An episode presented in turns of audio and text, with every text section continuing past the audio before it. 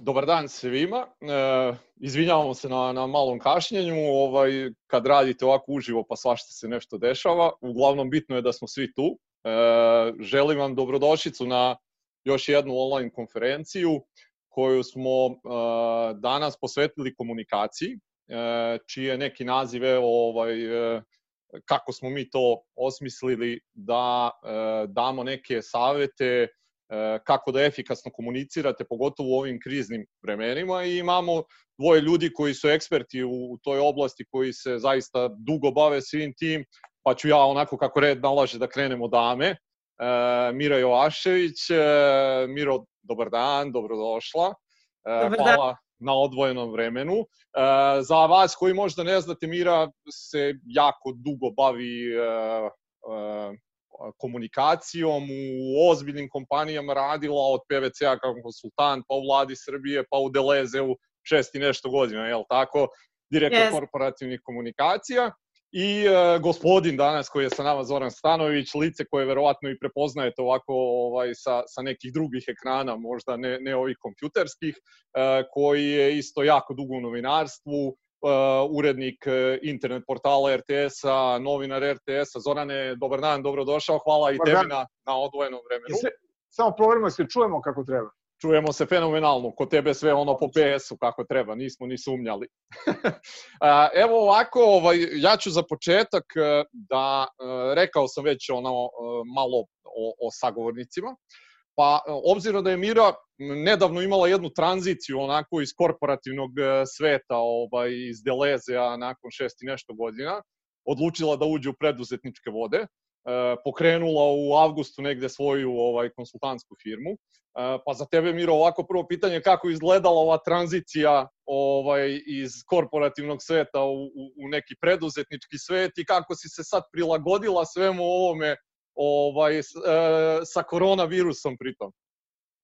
Pa, zabavno je. Ovaj, rad u velikom sistemu ima naravno prednosti, ali na kraju ovaj, samo ti nedostaju neki dragi ljudi, a kao preduzetnik imam taj stalni osjećaj nekih nebrojenih mogućnosti, zanimljivosti, lakoće da nešto odmah probaš, uradiš, pa i da ne uspe, probaš nešto drugo, ovaj, to kao preduzetnik ide ovaj, mnogo lakše nego nekim sistemima, ali upravo i ta nekad tvrdoća u procesima daje u ovakvim vremenima prednost korporacijama.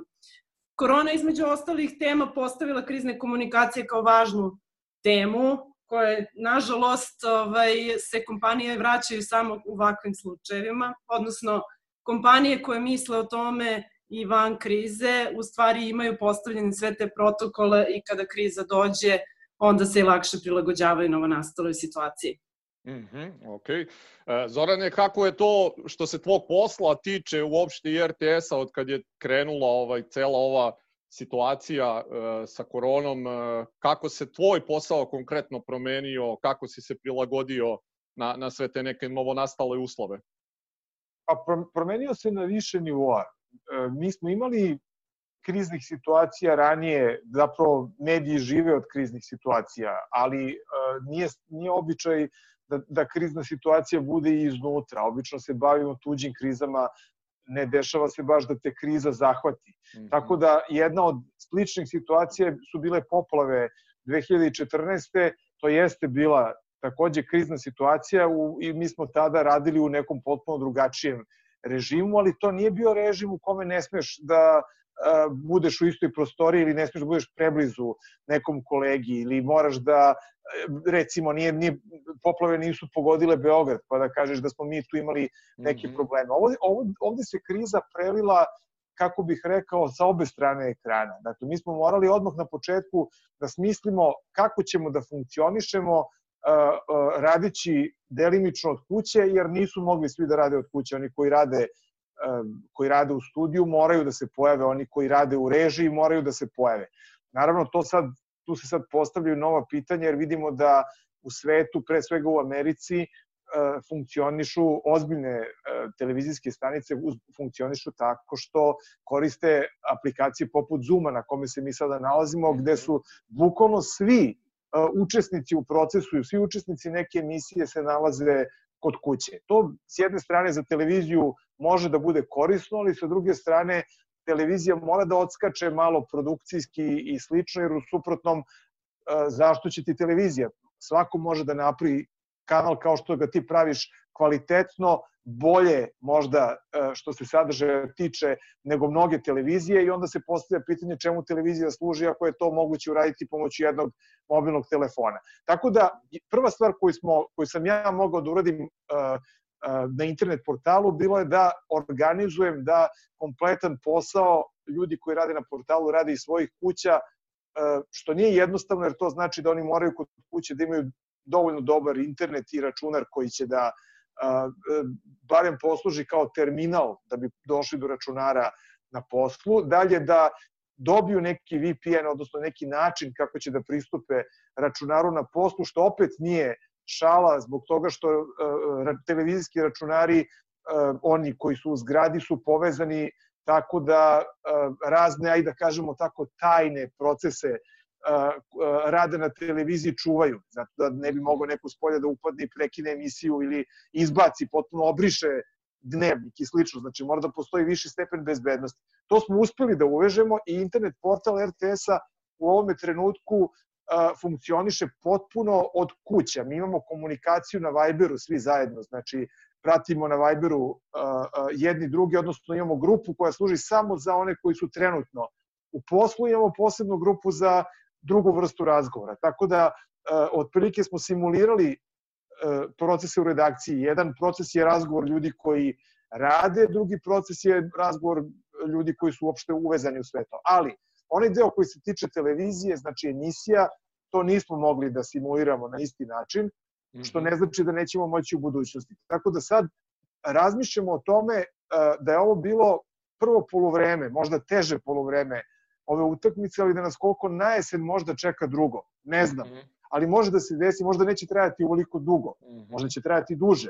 Ali mi ne smemo jesen da dočekamo, a da nismo isprobali druga rešenja koje bi nam omogućila da svoj posao uh, možemo da radimo, uh, ajde da kažem popularni izraz, bezkontaktno. Mm -hmm. U smislu da ne zavisimo od dolaska u zgradu, da ne zavisimo od mogućnosti da se neko zarazi, e, a da to nije znao i da zbog toga cela smena koja je bila sa njim na poslu mora da ide u izolaciju dve ili tri nedelje, zavisi koliko će biti, a onda ako se i sledeća smena zarazila, dođeš u situaciju da 75% ljudi više ne može da radi, a 25% ljudi pitanje da mogu da istaraju ceo posao. Mm -hmm, jasno. Miro, reci mi, ti si, o, rekao sam već u uvodu, šest i nešto godina bilo na, na E, čelu korporativnih komunikacija i održivog razvoja Deleza ovde u Srbiji koji ima, ja mislim, preko 12.000 zaposlenih, je li tako? Tako. E, ka, kakva su e, neka načela, ako sad bi ti trebala da daš neki savet, bez obzira na veličinu kompanije, bez obzira na industriju u kojoj se kompanija sama nalazi, koja su neka e, e, onako načela koja bi ti dala kao savet svima onima koji nas sad prate, koja bi trebali da slede u nekim ovakvim situacijama? Pa kada je kriza, važno je da reaguješ odmah i to da se obratiš svim svojim važnim stakeholderima. Komunikacija mora da bude transparentna i empatična, ali ono što je ključno da kompanije urade koliko god male, velike, jeste da ovaj, centralizuju komunikacije. Suština jasnih i nedvosmislenih poruka koje kompanija šalje je u tome da se jasno zna i ko te poruke šalje. Mhm. Znači, važno je napraviti tim koji je u konstantnom kontaktu, tim različitih, iz različitih sektora koji su važni ovaj, za operativno funkcionisanje kompanije i jako je važno u stvari da taj deo operativni je u konstantnom kontaktu sa komunikacijama. Taj tim mora da bude jedini pravi izvor informacija, kad kažem izvor u smislu da sve ono što dođe od tog tima je jedina kredibilna informacija mm -hmm. i to je ono čega treba cela kompanija da se drže. Oni su jedini ovlašćeni da komuniciraju interno i eksterno. Posebno eksterno, jer to je uh, od ključne važnosti u, u, u, u krizama da ne dođe do neke nedvosmislenosti ili ovaj nekog haosa upravo izazvanim nekim pogrešnim izjavama u tom trenutku. komunikacija mora da bude jasna i kratka. Niko nema vremena da izlači suštine, poente, da sam zaključuje šta je važno, šta nije važno. Znači sve mora da bude potpuno jasno. Niko nema vremena čita dugačke mailove. Danas vidimo da se ovaj, sve više generalni direktori kompanija i top management obraća svojim zaposlenim video porukama. Mm -hmm. ovaj, jasni, jasne poruke koje se šaljaju vezano za svako, svakodnevno poslovanje, za sve ono što je negde utici na kompaniju, na ono što će se raditi, u stvari pokazuje i zaposlenima i ostalima da su stvari pod kontrolom i u tom smislu ovaj, hendlovanje krize je onda neuporedivo lakše. Mm -hmm. Ok. Zorane, šta se menja recimo u medijima samim, možda u načinu izveštavanja u odnosu na period, ajde da kažemo, normalan i ovakav e, sad kad, kada imamo krizni neki period e, kao takav. E, kakva je promena što se tiče e, samog izveštavanja medija, ima li je uopšte? E, ogromna je promena kod izveštavanja medija, ali konkretno u ovom slučaju je ogromna promena. To je, e, ako, pogotovo ako govorimo o video medijima, pošto ja ne smatram više da je televizija jedini video mediji. Video mediji su sada svi koje možemo da gledamo na bilo koji način. E, mi e, sada ne možemo da dođemo fizički do sagovornika. Niti sagovornik može fizički da dođe kod nas. To je najveća promena koji imamo. Dakle, moramo pre svega da, ga, da se povežemo sa njim, zahvaljujući tehnologiji, to je sada relativno lako, znači svako sa mobilnog telefona ili sa kompjutera može da se uključi u program, ali mi, e, mi smo to imali i ranije, mi smo i ranije koristili uh, razne programe, ranije je to bio Skype kao najpopularniji -hmm. za uključivanje ljudi u, u, u program, ali to se radilo onako kad je baš neko mnogo daleko i ne znam, skupo je plaćati sateliti, ne znam, bilo je tako nekih stvari. Onda smo pre nekoliko godina uh, shvatili da možemo da koristimo mobilne telefone za direktno uključenje preko, uh, preko mastera i nabavili smo neke softvere za to, ali to je pre svega bilo za naše novinare, nije bilo za, znači nije, nije to nešto što ćeš dati bilo kome sagovorniku šifru da se uključi da može da uđe u master, jer može se desiti slučajno da upadne u program. Mhm. A, ali pokazalo se da tehnološki nivo, nivo tog signala, znači nivo tog videa je vrhunski, znači ne vidi se velika razlika kad se neko uključuje mobilnim telefonom sa terena, to naši novinari redovno rade, vi ne vidite da, je neko, da se neko uključio sa s mobilnim telefonom, naročito ako mu je kadar ovakav kakav je moj sada, ako se ne mrda nešto, ne kreće i slično, jer kad se kreće onda malo secka, to se onda vidi. Dakle, prva stvar je bila da sada uh, uključivanje uh, na taj način više nije eksces to sada postaje pravilo. I mi sad gledamo po svim televizijama kao najnormalniju stvar to da se sagovornici uključuju iz svojih kuća ili iz nekog svog prostora, najčešće iz, iz sobstvenih kuća.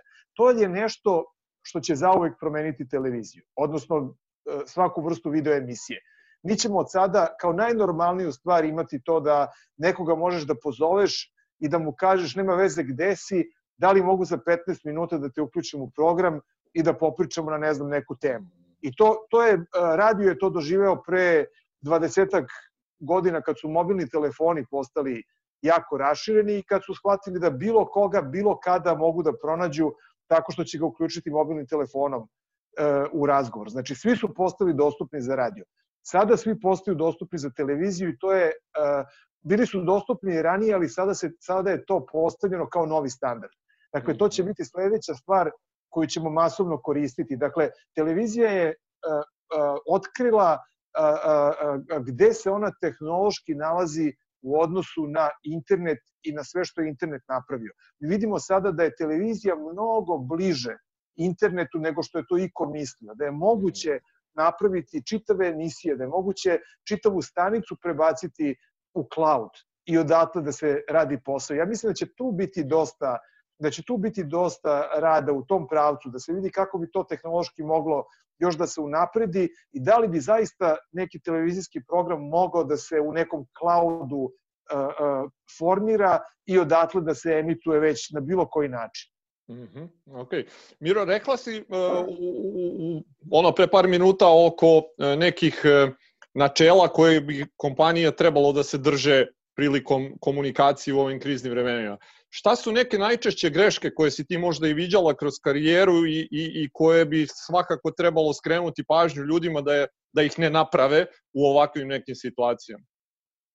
Pa, mislim, može tu sada da se uđe u diskusiju i hiljadu primjera to da se nađe, ali je ovaj, uvek je to neplaniranje, odnosno nebavljenje ovaj, krizom, odnosno pripremom za krizom, to što je mhm. prouzrokuje te ove greške. Greške nastaju u stvari kada se ne znaju jasno protokoli, procedure, kako, ko se kome obraća, zašto je važno, kome se u datom trenutku javljaju svi. Mislim da to sve više kompanija ovaj, sada radi u stvari sve u vremenu koje nije vreme krize, nego se pripremaju za potencijalne ovaj, probleme koje mogu da ih snađu. Ali je, negde sam pročitala, davno ne mogu da se setim izvora, ali da otprilike recimo negde oko 15% kriza koje se dese su neplanirane. -hmm. Znači, sve ostalo ti u suštini možeš da predvidiš i ovaj i zato je važno u nekim normalnim vremenima predvideti sve ovakve situacije ovaj, i raditi na njima i onda kada dođe kriza ne može ni da se dogodi ovaj, neki problem. Ono što isto se meni čini da u poslednje vreme se javlja kao problem jeste ta, to nerazumevanje u stvari nekada je to bilo lako, imao si interne komunikacije koje razgovaraju sa zaposlenim, imao si eksterne, odnosno PR komunikacije koje razgovaraju sa spoljnim javnostima, a ovaj, danas je to nekako sve se pomešalo i tu mhm. često nastaju greške kada ta komunikacija koja ide prema zaposlenima nije jedinstvena, koegzistentna sa onim porukama koje kompanija šalje eksterno, mhm. često svaki taj zaposleni je izvor informacije koje ode ovaj, preko društvenih mreža, na razne načine ode ovaj, u, u, u eksterni u eksterne javnosti i mhm. ovaj, razmimoiđe se sa onom porukom koju stvari kompanija htela da pošalje. Ali to znači da i ta kompanija, da ta kompanija nije imala dobro organizovane komunikacije koje su slale jedinstvenu poruku prema svim ciljenim javnostima. Mm -hmm. Ok. E, pre nego što postavim e, pitanje Zoranu, samo da kažem svima vama koji nas pratite, ako budete želeli da postavite vi možda neko pitanje na koje gosti mogu da odgovore, možete to da uradite u, u Q&A sekciji. E, Zorane, ako ti mogu, si... Samo ako mogu da dodam ne, pre nego što, da, da dopunim nešto. Naravno, naravno. Mira, Mira je pričala, uh, pričala o centralizovanoj komunikaciji koja jeste uh, izuzetno važna uh, kako jer u situaciji mislim ja mislim da je važno uvek uh, da, da da da postoji ali u situaciji kada ljudi ne mogu da se susretnu ona postaje još važnija. Ali još jedna bitna stvar je u, u toj pogotovo u ovoj situaciji to je sposobnost delegiranja. To znači da možete da, da veoma lako prepuštate ljudima određene poslove koje onda oni mogu da obavljaju dalje, jer u situaciji koju sada imamo previše bi mogla, previše bi onda stvari dolazilo do tog jednog centralnog mesta. Mislim da do tog mesta treba da dolaze samo najbitnije stvari, a da ovo ostalo treba da se rešava na periferiji dok ne postane suviše krupan e, problem. I naravno, e, e, to kad se kaže neplanirana kriza, ako čovek dovoljno dobro zamisli kako se rešava neki problem, onda će svaki problem moći da rešava po toj istoj matrici. Ako nije zamislio, nego ako pravi matrice samo za konkretne probleme, pa kaže, evo, ako se desi to i to, radimo to i to, a ako se desi nešto drugo, onda ne znamo šta radimo jer to nam se nikad nije desilo.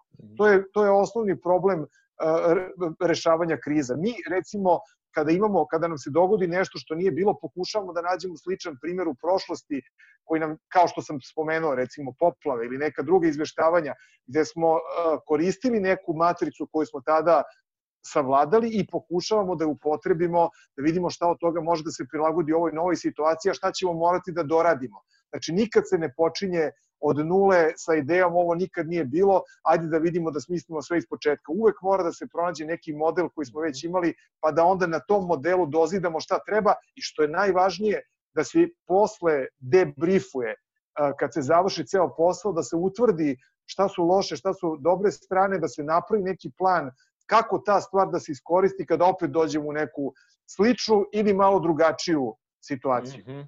Mislim da je to generalno ispominjao sam to e, često ovaj e, neka možda mana nas kao naroda, mi smo ovaj, e, tu sa, planiranjem jako tanki, često naše kompanije se ne bave kreiranjem scenarija i pravljenjem tih nekih planova i tu je naš zajednički prijatelj Bojan Leković jako lepo to rekao, mi jesmo improvizatorska nacija i to je nešto što treba da bude onako kao šlag na tortu, ali ne možeš bre autoput da improvizuješ, znači treba ti neki plan da, da ga imaš da bi mogao ovaj da, da kreneš autoput da radiš. I mislim da tu nama recimo sve kompanije generalno govoreći mogu uh, i imaju ogroman prostor tu za unapređenje.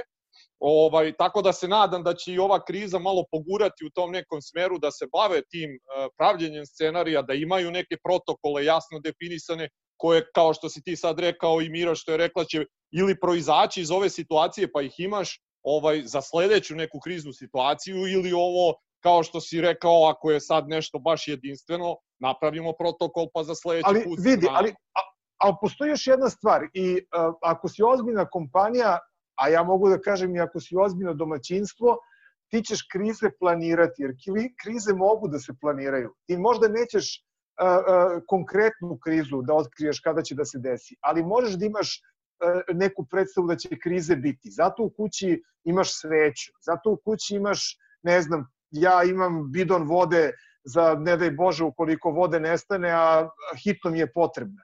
E, zato imaš tako neke stvari, to je, to je to planiranje krize. Desit će se nešto što ne znam šta i ja ću onda moći, zahvaljujući tome što imam u kući, da izađem na kraj sa tom krizom. Zato se ostavi nešto malo para ako ti crkne bojler koji ne planiraš da ti crkne, ali moraš da imaš u vidu takvu mogućnost. Isto tako i firme, ako statistički gledaju, one će videti da na svakih ne znam koliko godina, meseci ili već kakvog vremena zavisi od posla, naiđe nekakva manja ili veća kriza i da postoji verovatno i neki ritam kada se dogode krupnije krize, kada ima velikih problema i onda oni moraju, koliko toga nije bilo duže vreme, onda moraju da kažu sad raste verovatnoća da će nam se desiti neka velika kriza. I ajde da budemo malo spremniji za to, jer će u nekom mhm. trenutku da se desi. Prosto statistički kriza naleti u nekom trenutku i sad ovo je situacija u kojoj su sve krize praktično, ceo svet se odjedan put se to sve ono što bi se reklo sinergija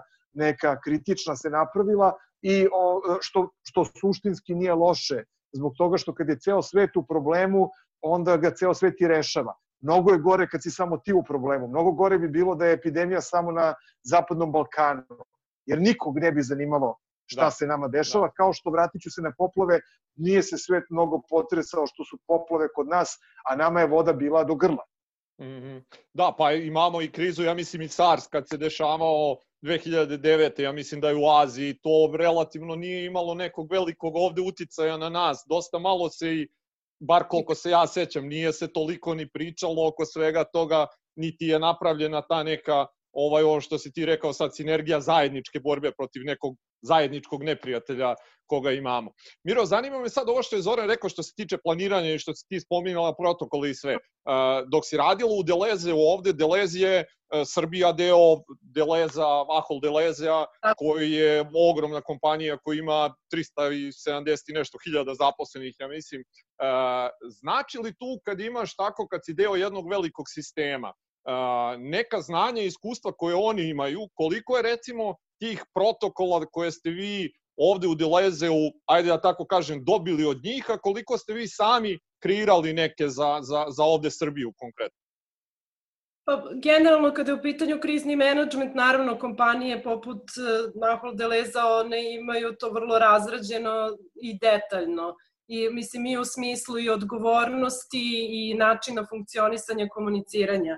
Ono što smo mi lokalno ovde radili i što sada kolege vrlo uspešno rade jeste ovaj prilagođavanje lokalnim situacijama u smislu planiranja ovaj nekih konkretnih e, situacija sa kojima se suočavaš, koje su česte, pogotovo u, u, u trgovini ovaj, i to hranom. Jer tu krize nisu vezane samo za ovako velike ovaj, krize, nego ove su one dnevne. Tako da naravno da tu postoji i ogromno znanje koje dolazi sa nivoa grupe, ali ovaj, i ovaj znanje koje postoji lokalno. ali generalno ovaj, sve te kompanije, pogotovo trgovinske, kako i lokalne, tako i te internacionalne kompanije, one moraju same po sebi zbog važnosti koje predstavljaju za privredu jedne zemlje, one moraju ovaj, da u, u normalnim situacijama se pripremaju za ovakve situacije.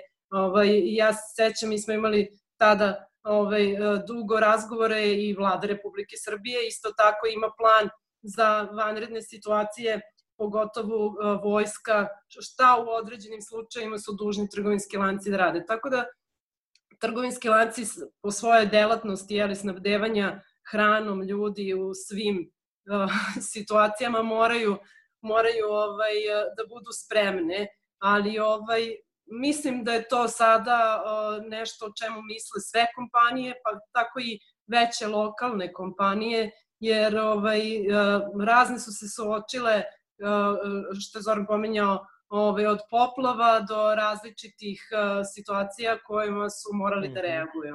Mm -hmm. uh, Zorane, ono što si rekao sad i što se televizije tiče, ovaj, da to postaje sad sasvim normalno da se ljudi na ovaj neki način preko Zuma, Skype-a uključe u program. Dosta uh, online konferencija kao što je ova, uh, pogotovo od početka o, krize sa, sa koronom su počele da se dešavaju na ovako neki način kao što to mi danas radimo.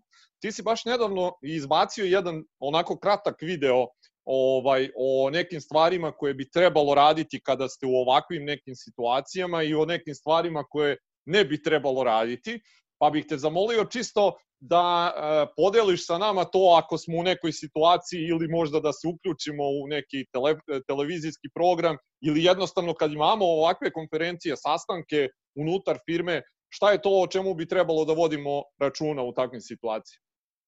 Izbacit ću još nekoliko videa da najavim da ću, da ću se potrudim da dodam. E, pošto ovaj, ovaj koji sam e, napravio, e, cilj mu je bio da u vrlo kratko, u manje od dva minuta, objasni kako treba da, post, da se postaviš u ovakvom razgovoru. To ok, je, ovde imaš ja, više vremena sad. Jeste, dakle, dakle ideja je bila da, da kažem da prvo, ako se uključiš u televiziju, da moraš da obrneš telefon, da ima oblik televizijskog ekrana, znači da ne bude uspravno, da e, se slikaš kao da se slikaš za ličnu kartu, jer suština je toga, evo recimo to je neki kadar koji sam ja zauzeo, da, da nemaš mnogo prostora gore iznad, iznad glave, znači ne, ne treba da se slikaš ovako, ajde da, da napravi malo gimnastike, o, nego treba da, se, treba da se postaviš tako da, da zauzmeš da zauzmeš prostor slike u dovoljnoj meri, da iza tebe, recimo, običaje koji vidim poslednjih e, nedelja od kako je ovo vanredno stanje, ljudi vole da stanu ispred biblioteke. To nije dobro nikako mesto. E, I ja kad, ja kad pošto e, držim povremeno i, i neke obuke za E, za javni nastup, onda ljudima uvek govorim nemojte se slikati kad vam dođe televizija, a taman posle još ovako kad sami to radite, mm -hmm. nemojte se slikati ispred biblioteke, biblioteka vrlo često može da kaže o vama i neke stvari koje ne stoje.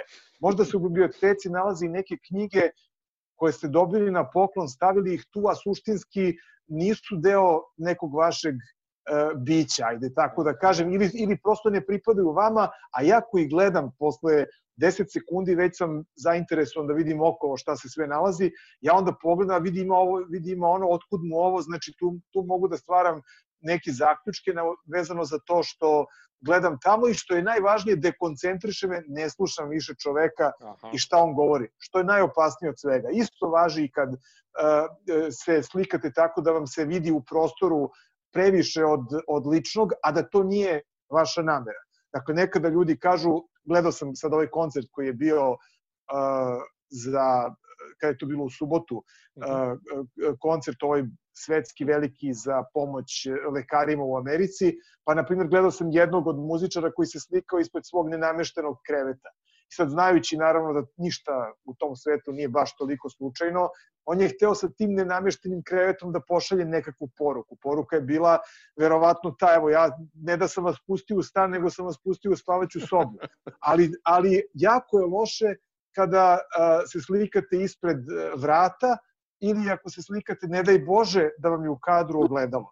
Vrata su loše zbog toga što nikad ne znate ko će na vrata da uđe, mo, de, dogodilo se pre neki dan nekome, ja mislim na BBC u sagovorniku, da je sin ušao na vrata, što i meni može se dogodi, jer sin moj prolazi svaki čas ovde, ja mu odmakujem rukom i pokuša nešto da me pita.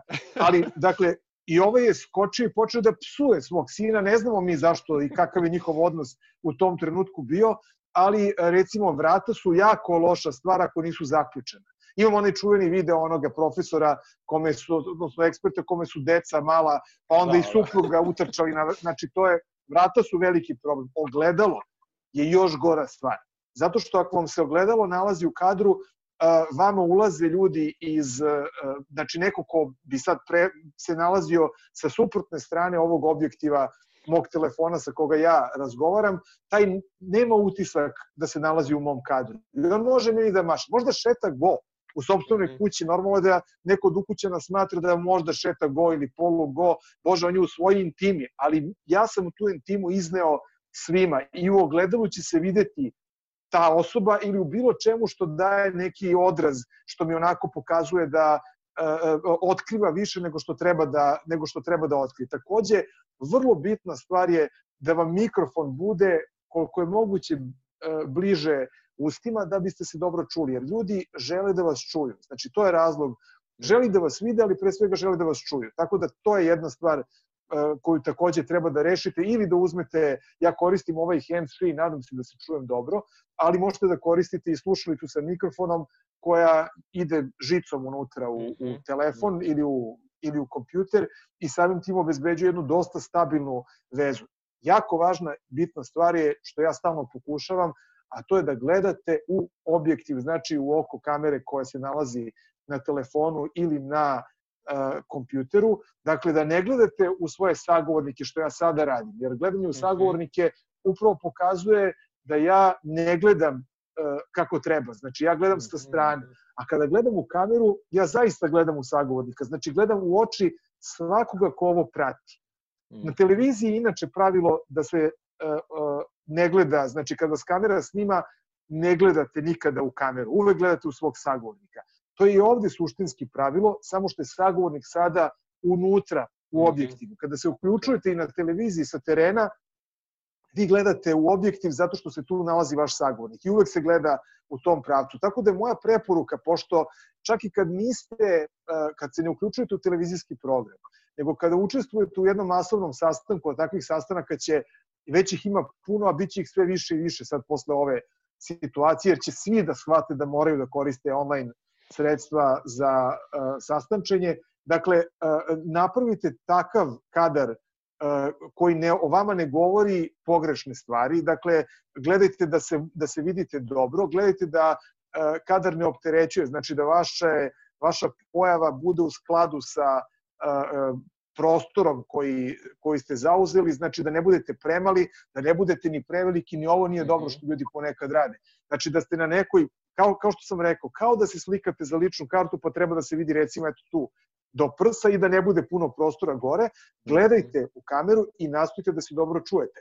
To su važne stvari i uh, važni saveti koje bih rekao pre, prvenstveno za uh, kada se tiče tog kadra, onda imate kako tehnološki, to ću da napravim, šta od tehnike sve treba da imate, koja je vrlo jednostavna i jeftina, da biste uvek mogli da napravite takav kadar koji vam treba i najbitnija stvar kako da maksimalno do, najbolje iskoristite vreme. Recimo, ja sam sad pričao previše i predugo, ali to je zato što imamo nas troje sat vremena za razgovor. Mhm. U suštini, na sastancima, svu svoju poruku i sve što imate da kažete, treba da sažmete u jedan minut. Kad se javljate televiziji, takođe, sve preko jednog minuta je beskrajno dugačko vreme. I zato morate da imate koncept onoga što želite da kažete u tom minutu. Dakle, i pustite da vas ljudi dalje pitaju. Nekada na nekim sastancima nećete imati više od 30 sekundi, ali ako vas sluša top management u firmi, vi u tih 30 sekundi treba da kažete ono što je suština, ono što, ono što je vaša najvažnija poruka. Ne treba da se zahvaljujete, da objašnjavate koliko ste srećni što su vam dali tu mogućnost, niti da zbijate šale da biste razbili malo monotoniju, nego treba da kažete ono što je najvažnije, jer možda nećete dobiti drugih 30 sekundi da se obratite menadžmentu. Dakle, to su, ima tih saveta nekih koji su još važniji u ovoj komunikaciji koja nije fizička, znači gde smo distancirani, zbog toga što u ovoj drugoj komunikaciji vi možete da osetite atmosferu i da znate kad treba, kad ne treba nešto da se kaže. U ovoj sada vam neko daje reč ili vam ne daje. Mm -hmm, okay. Evo Mira može da kaže sa svoje strane. Može. Pa ja da kažem, ja sam, ovaj, ja, ja se sve slažem što je Zoran rekao, s tim što, ovaj, pošto nas troje znamo da sam ja kasnila, ovaj, o, ja nisam stigla ni da stavim slušalice, ni da se namestim, tako da ovaj, ovo je bio jedan spontano uključivanje. e, Miro, ali tu imam, Miro, tu imam amandman da kažem. Dakle, još jedna bitna stvar svi koji rade od kuće, odnosno svi koji, a svi radimo sad od kuće i radit ćemo u budućnosti, zauvek ćemo takođe jedan segment svog posla raditi od kuće. Nađite u kući mesto sa kojeg se javljate, koje će uvek da bude spremno za to. Znači, to je mesto gde vi, kad treba da se uključite u neki sastanak, bilo kakav sastanak da je u pitanju, tu se nalazi sve što vam treba da biste mogli taj posao da uradite, čak i ako dobijete 30 sekundi upozorenja, ej, počinje sastanak za 30 sekundi, znači to mora da bude spremno. Kao što morate da imate spreman kutak u kome radite od kuće, koje je radno mesto, koji nije improvizovan, znači mora da bude nešto što je što tome služi. Isto tako bih rekao za ovo, svako treba da nađe mesto u svojoj kući za koje zna da je bezbedno, da ne odaje ovaj, o njemu poruku koju ne želi da pošalje, da zna gde mu se nalazi tih osnovnih nekoliko stvari koji su mu tehnički potrebne da bi izveo to taj sastanak ili javljanje u neki program i da to da o tome vodi računa. Eto Miro, za sledeći put onda je dovoljno i 5 sekundi samo da, da pošaljem da. poruku.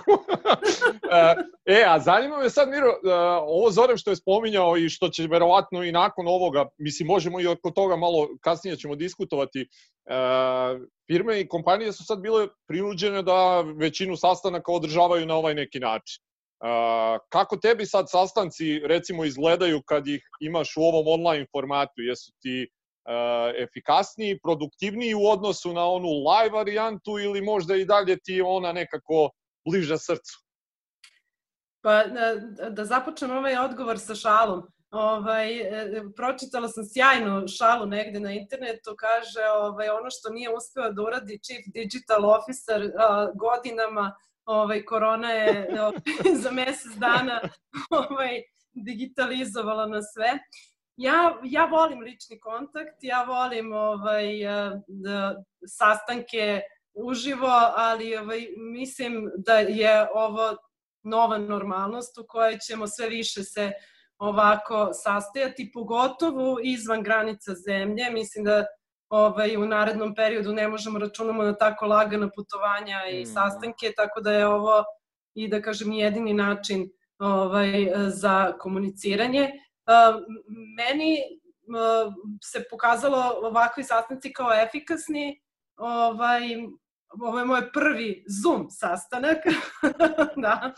Dobro. Ja sam ovaj, koristila Teams i, ovaj, i ove sve Apple ovaj, aplikacije, ali ovaj, sjajno je, stvarno daje mogućnost ovaj, da sa više ljudi istovremeno razgovaraš, možda mi smo imali čak i nas nekoliko nekih brainstorming, ovaj, to je ovaj, isto ovaj, zanimljivo, tako da ovaj, sigurno će se velikim delom ovo ovaj, i zadržati ovakav način komuniciranja, ali ne sumnjam da ipak ovaj, će kancelarija i ovaj, sale za sastanci ovaj, i dalje imati svoju upotrebu. Zorane, kako, recimo, ovo sad e, pitanje koje je bilo i Miri, a, kakvi su tvoji sastanci? Ono, recimo, što me zanima, meni lično sad, recimo, ja e, dosta gestikuliram kad pričam, i taj neki govor tela uopšte kažu da je nekih 93% valjda ako se ja dobro sećam onoga kako nas ljudi percipiraju. Kako tebi sad recimo uopšte deluje, e, ja sam uhvatio sebe da sam, od kad je krenula ova neka vrsta komunikacije, da ta gestikulacija je malo tene na minimumu. Evo sad malo ovako kao nešto rukama, ali e, mislim da je dovelo do nekog ponaša, promene ponašanja uopšte mene sad. Ne znam kako recimo iz tvog ugla to deluje i koliko tebi recimo kad razgovaraš sa sagovornicima, je možda promena njihovog doživljaja od kad je krenulo sve ovo ovako digitalno da funkcioniše? Pa gestikulacija je nešto što pre svega funkcioniše u fizičkom svetu. Dakle, kad se nalazim preko puta neko, neke osobe, ja imam potrebu da dodatnim nekim pokretom, nečim što ću da uradim, nečim što ću da pokažem, izazovem kod te osobe nekakvu reakciju. Ali kad se nalazim ovako pred nekakvim ekranom gde samo vidim neko ko stoji na drugoj strani, onda e, sva moja koncentracija ide u ono što izgovaram. To mi je mm -hmm. najvažnije oružje ili oruđe i ja se time koristim i trudim se da sav moj mentalni kapacitet i sve moje emocije pretvorim u reči i pretvorim u intonaciju. To oni koji rade na radiju uh, znaju daleko bolje. Ja sam imao tu sreću da sam jedan deo života radio na radiju i shvatio sam koliko glasom može da se postigne. To je jedna stvar, shvatio sam i koliko ima fenomenalnih i boljih od mene u tome. Znači, to je onako dosta jedna uh, kako bih rekao, to, to te onako dosta spusti kad shvatiš, kad, kad uh, radiš sa nekim ko je uh, rođen za radio, proveo ceo život na radiju i kad ti vidiš šta on može da postigne svojim glasom, a ti to nisi verovo da je moguće. Da, da. Elem, uh, hoću da kažem da uh, menja se prosto uh, format sam, ali poruka koju hoću da iznesem je ista. Ja sad samo moram da se prilagodim tome. Gestikulacija, uh, pogotovo dok ne budemo imali 5G mrežu, osim ako je ovi sad ne, ne zabrane. Gestikulacija je jako loša stvar za mm -hmm. ovu našu komunikaciju, jer svako veliko mrdanje u kadru uh, uh, otežava prenos video signala, jer je taj mhm. signal relativno spor i uh, on se negde, ako nema puno promena u kadru, on je dobar jer u suštini ono prenosi tu neku redundantnu informaciju. Ali čim počnem puno da se ljuljam, da mataram rukama i slično, on počinje da seče, počinje da ima probleme, jer jedan put mora da pošalje mnogo novih informacija, svašta se nešto menja. E, zbog toga gestikulacija takođe i s tehničke strane loša. Drugo, ja sad ako tebi krenem da pretim na neki način, a fizički mi nisi blizu, ta pretnja nema nikakvu svrhu. Znači sad ako pokušam ovako da ti mlatim, da. prosto nekako ti znaš da od toga, da iza toga neće slediti neki fizički kontakt i samim tim baš te briga što ja to tako radim. Samo sebi, sebe činim smešnim. Tako da s te strane, i to možda i nije tako loše. Još bolje je što Zoom možda može da odredi ko, koga ćemo slušati, a koga nećemo slušati.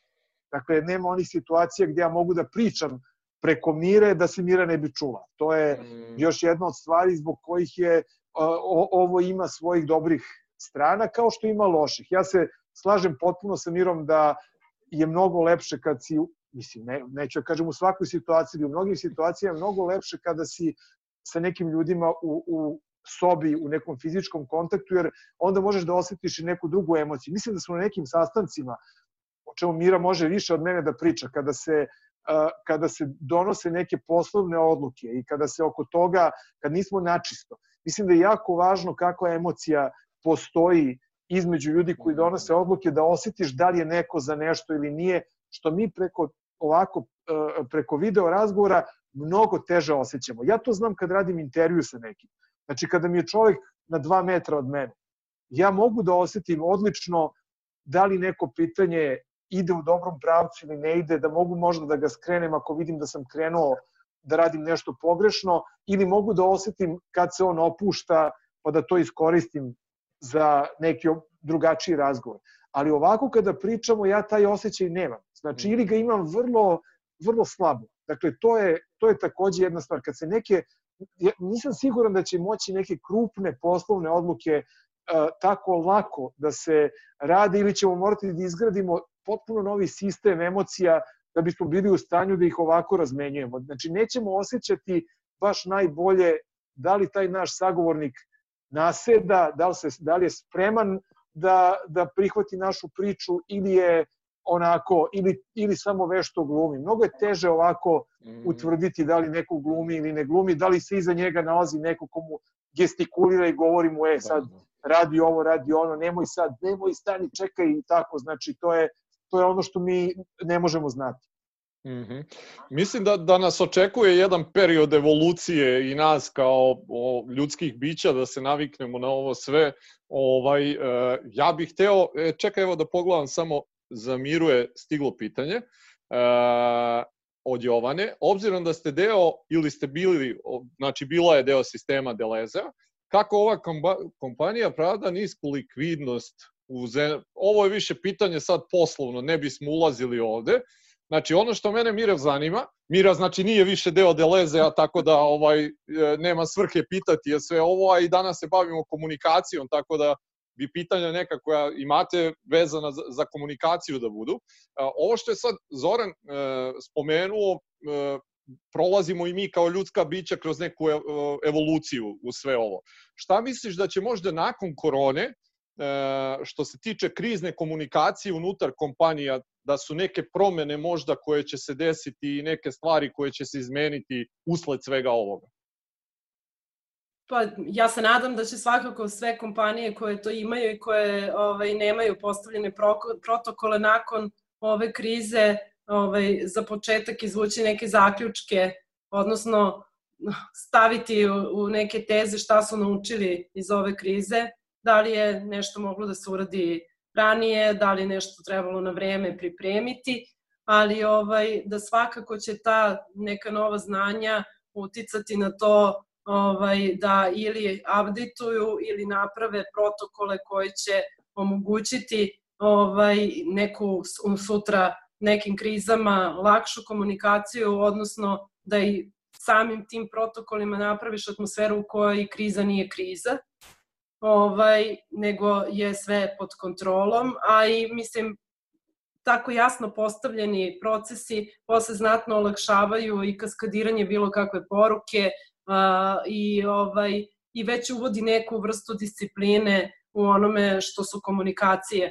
Mislim, kao što je Zora rekao, krizne komunikacije samo zahtevaju disciplinu, ali inače i u normalnim okolnostima komunikacije bi trebalo ovaj, da imaju kontrolu nad onim kontrolu ili kako već da kažem da budu mesto koje ovaj šalju jasne poruke prema ostalim ovaj, iz, iz kompanije. Mm -hmm. Ok. Zorane, šta ti možda što se sad, ako govorimo evo o RTS-u ili medijima uopšte, šta misliš da su, spomenuo si da će postati recimo sasvim normalno da se ljudi uključuju na ovaj neki način u, u, u direktan program ili kako god. Postoje li možda još neke stvari koje vidiš e, kao neke trendove koje su, koji su sad uz, usvojeni, a koji će se zadržati ovaj, nakon svega ovoga kad, kad, e, sam virus i ova kriza prođe? Pa, da sačekamo da, da virus i kriza prođe, da vidimo e, do koje mere ćemo se vratiti u ono što je bilo nekada. Ja mislim da se nećemo vratiti u potpunosti e, nikako kao što se nismo vratili posle 11. septembra u, u, u način na koji se putovalo avionom pre svega do tada, nego su kontrole striktne i to je tako ostalo i bit će tako verovatno decenijama, dokle god avioputovanja budu postojala, ako ih sad ova korona potpuno ne, ne uništi. Da, da. Dakle, neke od stvari su, prva stvar je to da razumemo da mi sve više postajemo, dakle, televizijski posao postaje, kako bih rekao, softverski posao. Znači, to nije više analogna priča u kojoj imamo kameru koja snima nekoga, nego to postaje u velikoj meri posao koji se strašno vezuje za neke servere, za neke rutere, znači za, neku, za neki digitalni signal koji, koji je moguće na razne načine modifikovati. To je nešto što smo mi na televiziji delimično radili, ali sad to postaje onako jedna prilično stvar koja mora, mora da se radi. Tako da vidjet ćemo jednu veliku izmenu televizijskih formata, znači mogućnosti da možda ćemo, možda ćemo ići, možda je sledeća faza koja će se ozbiljno razvijati, pravljenje tih nekih 3, 3D, odnosno avatara, dakle da mhm. umesto što se gledamo ovako, da ću možda imati nekog trodimenzionalnog mene kako sedim u nekom studiju, pa će svako tog svog nekog avatara da i imaćemo utisak kao da svi sede u jednoj sobi, a zapravo će biti zapravo ćemo svako sedeti u svojoj kući. E sad, to smo već videli pre, ja mislim, na izborima 2000 čini mi se 16. ako se ne varam, ako ne čak i, i ranije u Americi, oni su pravili takve stvari gde su imali reportere sa terena koji su na trenutak u, u, u tom 3D formatu ušetavali u studio i muvali se po studiju na jedan način onako impozantan za to vreme, verovatno ne više e, danas, ali to je jedna od stvari koja može da se desi. Dakle, da fizičko prisustvo ne bude više isto kao što je bilo ranije, da se pretvori u digitalno prisustvo. To je jedna od stvari. Samim tim vrlo moguće da ćemo imati i ogromne promene u, u nekim drugim programima, u zabavnim programima, u dramskim programima koji će takođe da, ja čekam ko će prvi da napravi E, neku dramu, možda čak i seriju koja će se sadržati samo od nekakvih razgovora kao što su ovi razgovori. Ne mhm. kažem da će prva koju naprave biti dobra, ali deseta ili pedeseta će biti fenomenalna. Ljudi će reći, bože, kako je napravio fantastičnu stvar, a samo je koristio Zoom aplikaciju da snimi sve glumce i sve sagovornike. Znači, to je, to je sad sledeća stvar koju ćemo, koju ćemo e, verovatno imati, kao što će biti i te priče i razne teme vezane za za koronavirus i za izolaciju i za ostalo će naglo da se onako izliju u kreativni prostor i svi će se time baviti. Ali bih samo još jedne, jednu stvar bih dodao kod onoga što je Mira rekla da smo mi, da, da, da nas je korona virus prisilno digitalizovao. Ja ne bih rekao da su u pitanju nedelje. Ja mislim da se ta digitalizacija obavila u nekim slučajevima bukvalno u roku od nekoliko dana. Za mene da. je impresivno škola koliko yes. se brzo prebacila, ali to nije bez velike pripreme. E, nastavnici su godinama unazad radili na tome. Ovo je sad samo bila situacija gde je rečeno, e, ajde sad sve to što, ste, što smo radili, sad odmah moramo da iskoristimo. I onda su se, e, e, neki su iskoristili, ne znam, ovo snimanje na RTS-u, to je, kako bih rekao, bio jedan dobar pokazatelj da se to može i da se može odmah, drugi koriste potpuno druge platforme i koriste ih odlično. Znači, školu smo digitalizovali. Ono gde nismo uradili do kraja dobar posao i moramo da ga uradimo, s jedne strane to je bankarstvo koje je potpuno spremno za fintech, ali ja sam recimo danas bio na pijaci i kupovao sam nešto i sad sam rekao onom tamo čoveku koji mi je ne znam, nešto smo komentarisali naravno, ja sam rekao za mene će, pošto mi je rekao je teško je s rukavicama ubacivati pare mm -hmm. u novčanik jer sam se ja tu mučio, Ja sam rekao, ne, vidi, ne, ne treba uopšte ovo da radimo, nego mi treba da prislonimo telefone, odnosno da ih približimo i da ti ja prebacim pare. I on je rekao, upa, to može? Pa naravno da može, u Kini samo tako plaćaju. Znači, svi, svi to možemo da radimo. Znači, to je prvi posao koji moramo da obavimo da plaćamo pomoću QR kodova i sličnih stvari, dakle da ne moramo da koristimo papirne novčanice koje su nosilac klica nisu dobre, razmenjuju ih puno ljudi, tu se zadržava sve i svašta. To je, to je jedna stvar. Druga stvar je uh, kupovina. Znači, vrlo je lako napraviti, napraviti online shop, ali ono što nije lako, to je distribucija. I mislim da tu se pokazalo Srbija, od kako postoji internet, Srbija zaostaje u, u, u distribuciji, znači sve je super, samo distribucija ne funkcioniše kako treba. I zato se online trgovina u Srbiji nikad nije razvila onoliko koliko se razvila drugde u svetu. I mi to mm. pitanje moramo da rešimo pod hitno. To znači da ja kada na sajtu bilo koje trgovine naručim nešto, da mogu da znam da će to kod mene biti u najkraćem mogućem roku, ajde da kažemo najviše, naj, najdalje sutradan. Pokazalo se da male ove prodavnice hrane, odnosno ne prodavnice hrane, nego ugostitelji, koji su morali odmah da se preorijentišu na online, i koji su imali dostavu i ranije, oni su to jako dobro rešili. Tako da većina njih vrlo brzo isporuči hranu ljudima na kuću. I to iskustvo treba da prihvate i, i druge, druge firme i da kažu, e, i mi možemo to da, da uradimo. Dakle, kad naručiš, kad hoćeš da kupuješ, lepo napraviš spisak za kupovinu, pošalješ ga, platiš i neko tamo sortira i donesi ti ga ako treba u roku od sat ili dva. Znači, -hmm. Mnogi ljudi sad trenutno nemaju posao, mogli bi to da rade i hteli bi to da rade jer je to neka vrsta posla. I ukoliko je sve dobro i bezbedno upakovano, ne moram čak ni da se brinem da li je neko, da li sam u prodavnici zakačio neki virus ili, ili slično. Dakle, ima tu dosta stvari koje mi, mi treba da uradimo, ali ono što je bitno, pokazalo se da smo mi daleko više digitalizovani nego što smo mislili. Dakle, mi nismo osetili kada je sve ovo krenulo, nismo osetili da su neke stvari nemoguće i nedostižne. Samo je problem bio jesmo li se za njih pripremili. Mm -hmm. Pa slažem se i, evo taj super primer to što si naveo škole i, i mislim da verovatno pitanje je kad bi se to uopšte desilo da nije bilo svega ovoga da, da, da, da nas pogure. I ja verovatno mislim tako nešto. I mislim da će baš ovo ovaj, što si rekao i što se tiče i, i većih sistema naših, što se tiče online trgovine i uopšte logistike koja treba to da isprati. Ja znam recimo kako uh, Holandija funkcioniše što se tiče logistike koja sad je potrebna da se podrže online recimo radnje ili tako nešto. Tebi je jednostavno tamo dovoljno da otvoriš web shop, da imaš laptop, imaš svoj e, magaci negde gde si ostavio robu i više ta, tu robu uopšte nema potrebe da vidiš. Dovoljno je stigne ti poručba, ti si to prosledio u magacin, e, ljudi koji pakuju robu, e, kuriri koji preuzimaju robu, isporučuju to na adresu. Mislim da je to nešto što se nadam da nas očekuje ovde u, u nekoj bliskoj budućnosti i da će sve to biti neke pozitivne stvari koje će proizaći iz celokupne ove krize.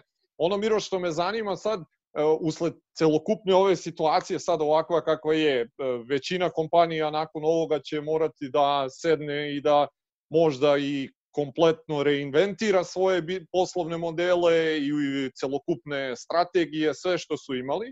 I ono što inače boljka u kompanijama i kad sve to urade da, da iskomuniciraju sve to onako kroz organizaciju. Ti si to radila u kompaniji koja ima ono kao što smo rekli 12-13 hiljada zaposlenih. E, šta su tvoji neki saveti i, i radiš i sama to i deo je mog posla da e, ljudi iskomuniciraju u, u, u kompanijama na, na jedan pravi način tu svoju strategiju, da ne, ne naprave tu grešku da je to par njih koji smisle nešto i to više niko u organizaciji niti zna šta je, niti čuje ikad za to. Pa, obično to ljudi odmah gledaju komunikacije, ali za kaskadiranje strategije i za kaskadiranje poruka pred, u cele kompanije je suštinski važno da management, da top management a, a, nedvosmisleno svojim timovima dalje ovaj postavlja i ciljeve i ovaj i, i, i, i jasnoću onoga šta su planovi. Mislim da ovaj e, o, o, niko ne može da predvidi šta će sve biti i kako će ekonomije se dalje razvijati ovaj nakon ove krize, ali ovaj ono što se meni čini sada ovaj, u ovom trenutku za, za, za kompanije da je važno jeste ta njihova uloga koju su dobili u lokalnim zajednicama ovim, ovaj, ovom pandemijom i mislim da je jako važno da kada sve, se sve ovo završi, da ovaj, i dalje ostanu aktivni i da ovaj, pozitivno utiču na lokalne zajednice u koje posluju. Mislim da je to isto ključno da se ne zadrži samo kod nekih velikih kompanija, a da je kod ostalih nije na dnevnom redu. Ovaj, ovakve situacije nam pokazuju koliko je važno da svaka kompanija koja ima mogućnost stvarno pozitivno utiče na društvo i da to treba i da nastavi da radi.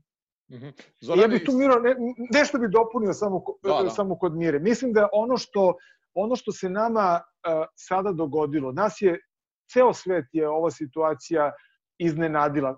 Koliko god neko pričao kako je, ne znam, e, ovaj ili one, Bill Gates upozoravao, kako smo imali film ovaj Contagion koji je govorio malte ne, neverovatno koliko se poklapalo sa ovim što sada imamo, svi smo ipak iznenađeni. Film je film, priča nečija je nečija priča. Ja sad mogu da kažem da postoji opasnost da nas meteor pogodi i u, u narednih 10.000 godina u nekom trenutku će verovatno biti u pravu.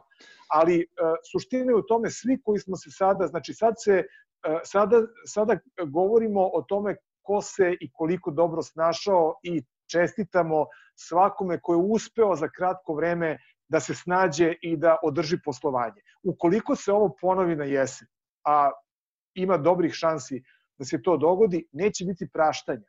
Znači, onaj ko nije iskoristio među vreme, da se pripremi za povratak, da se, da se pripremi za taj drugi, drugo polovreme ili drugu trećinu, ko zna šta će da bude, njemu se neće praštati. Ljudi će s punim pravom da pitaju, izvini, zašto nisi spreman?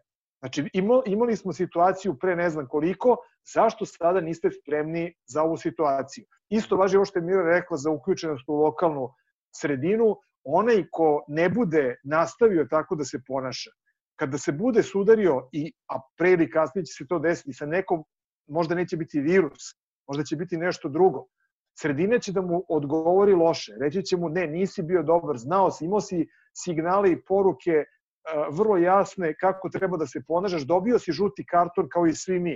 I šta si uradio posle žutog kartona? Opet si nastavio da uklizavaš i da radiš stvari koje ne treba da radiš ti kao futbaler najbolje znaš kako treba čovjek da se ponaša, kako odbrambeni igrač, a boga mi napadač, treba da igra kada dobije žuti karton. Znači koliko treba svoju agresivnost da smanji, jer ukoliko to ne uradi, nije strašno to što će on biti kažnjen ceo tim će biti kažnjen. E, o tome se radi. Znači, mi smo dobili svi žuti karton i sad moramo da vodimo računa, dakle, svi moramo da se potrudimo da, da narednu situaciju, da li će to biti koronavirus ili nešto drugo, da nikako ne dočekamo nespremni. Jer sad znamo da moramo da se spremimo. Okay. Ja bih samo da dodam, Đorđe, mhm. izvini. Ne, ne, izvoli.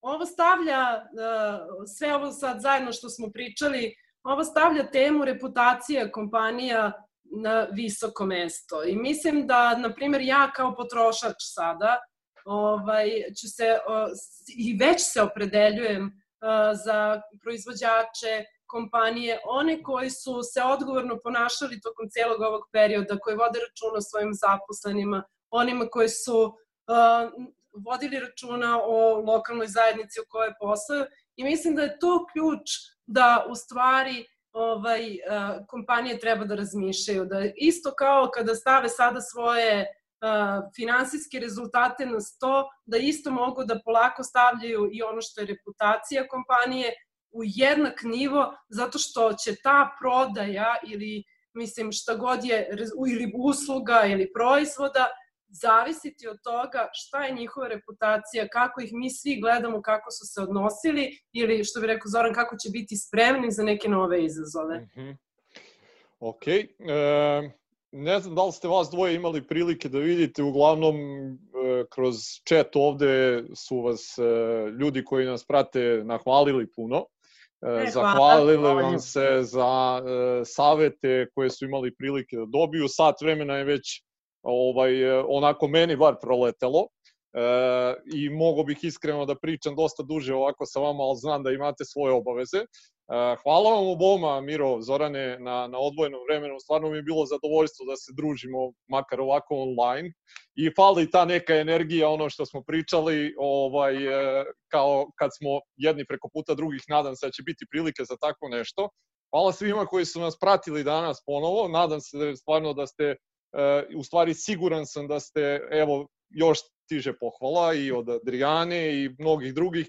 Uglavnom, nadam se da ste imali prilike da čujete stvarno neke jako korisne stvari i od Mire i od Zorana. Još jednom hvala i vama na odvojenom vremenu. Miro i Zorane, hvala vama još jednom, pa se vidimo svi uskoro, nadam se. Pozdrav hvala. svima. Hvala. Ćao. Ćao.